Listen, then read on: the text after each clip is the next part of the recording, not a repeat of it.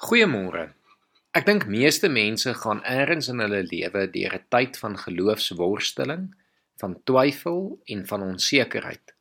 Party mense is mense wat graag wil sien en wat wil beleef voor hulle glo. So was Thomas ook. Daarom dat hy nie die disippels wou glo dat Jesus opgestaan het nie. Hy het dit vir hulle baie duidelik gemaak dat hy eers Jesus self wil sien en amper dit is nie genoeg nie. Hy wil aan Jesus se wonde vat. Thomas soek iets tasbaar om hom te help om te glo. Die mooi van hierdie verhaal is dat Jesus dit verstaan, dat Jesus vir Thomas ken en weet wat Thomas se behoeftes is.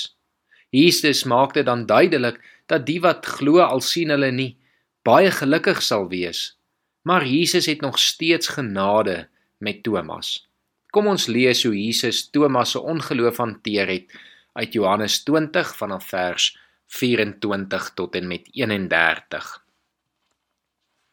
Thomas wat ook Didimus genoem is, een van die 12 was nie by die disippels toe Jesus gekom het nie. Die ander disipels sê toe vir hom: "Ons het die Here gesien." Maar hy sê vir hulle: "As ek nie die merke van die spykers in sy hande sien en my vinger in die merke van die spykers steek en my hand in sy sy steek nie, sal ek nooit glo nie. Ag dae later was Jesus se disippels weer bymekaar en Thomas was by hulle. Hoewel die deure gesluit was, het Jesus gekom en tussen hulle gaan staan en gesê: "Vrede vir julle." Daarna sê hy vir Thomas: "Bring jou vinger hier en kyk na my hande en bring jou hand en steek hom in my sy en moenie langer ongelowig wees nie maar wees gelowig. En Thomas sê vir hom: "My Here en my God." Toe sê Jesus vir hom: "Glo jy nou omdat jy my sien? Gelukkig is die wat nie gesien het nie en tog glo."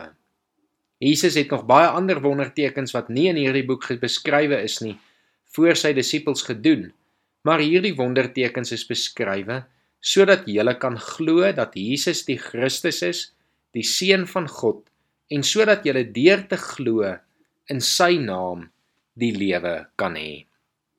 Baie mense kan hulle met Thomas vereensgewig, al was dit dalk net vir 'n bepaalde tyd.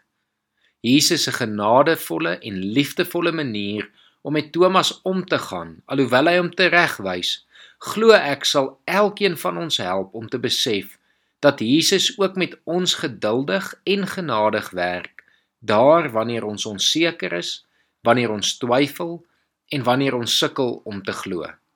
Daarom hoef ons nie bang te wees om ons twyfel in gebed aan die Here oor te gee nie, om die Heilige Gees te vra om ons te help om te glo en te vertrou daar wanneer ons sukkel nie.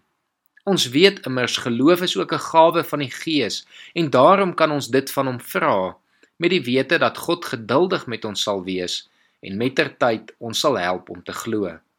Geloof is dit wat ons hoop en 'n toekomsvisie gee vir dit wat die Here nog gaan doen. Geloof, soos wat ons hier aan die einde van die boek van Johannes ook hoor, is dit wat vir ons lewe gee in die naam van Jesus Christus. En daarom sluit ek vanoggend af deur vir ons die definisie van geloof uit Hebreërs 11 vers 1 voor te lees.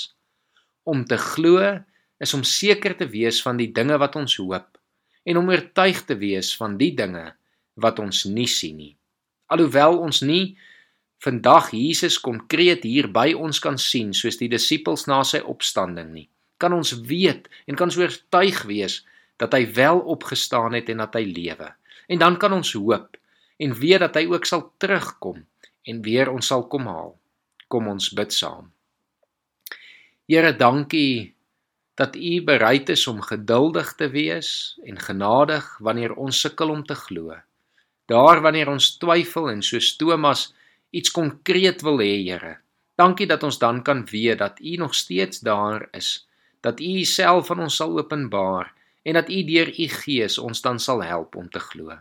Here, dankie dat ons kan weet dat U genade altyd vir ons genoeg is en dat ons op U kan vertrou, dat ons kan glo en kan weet dat U altyd daar sal wees. Amen.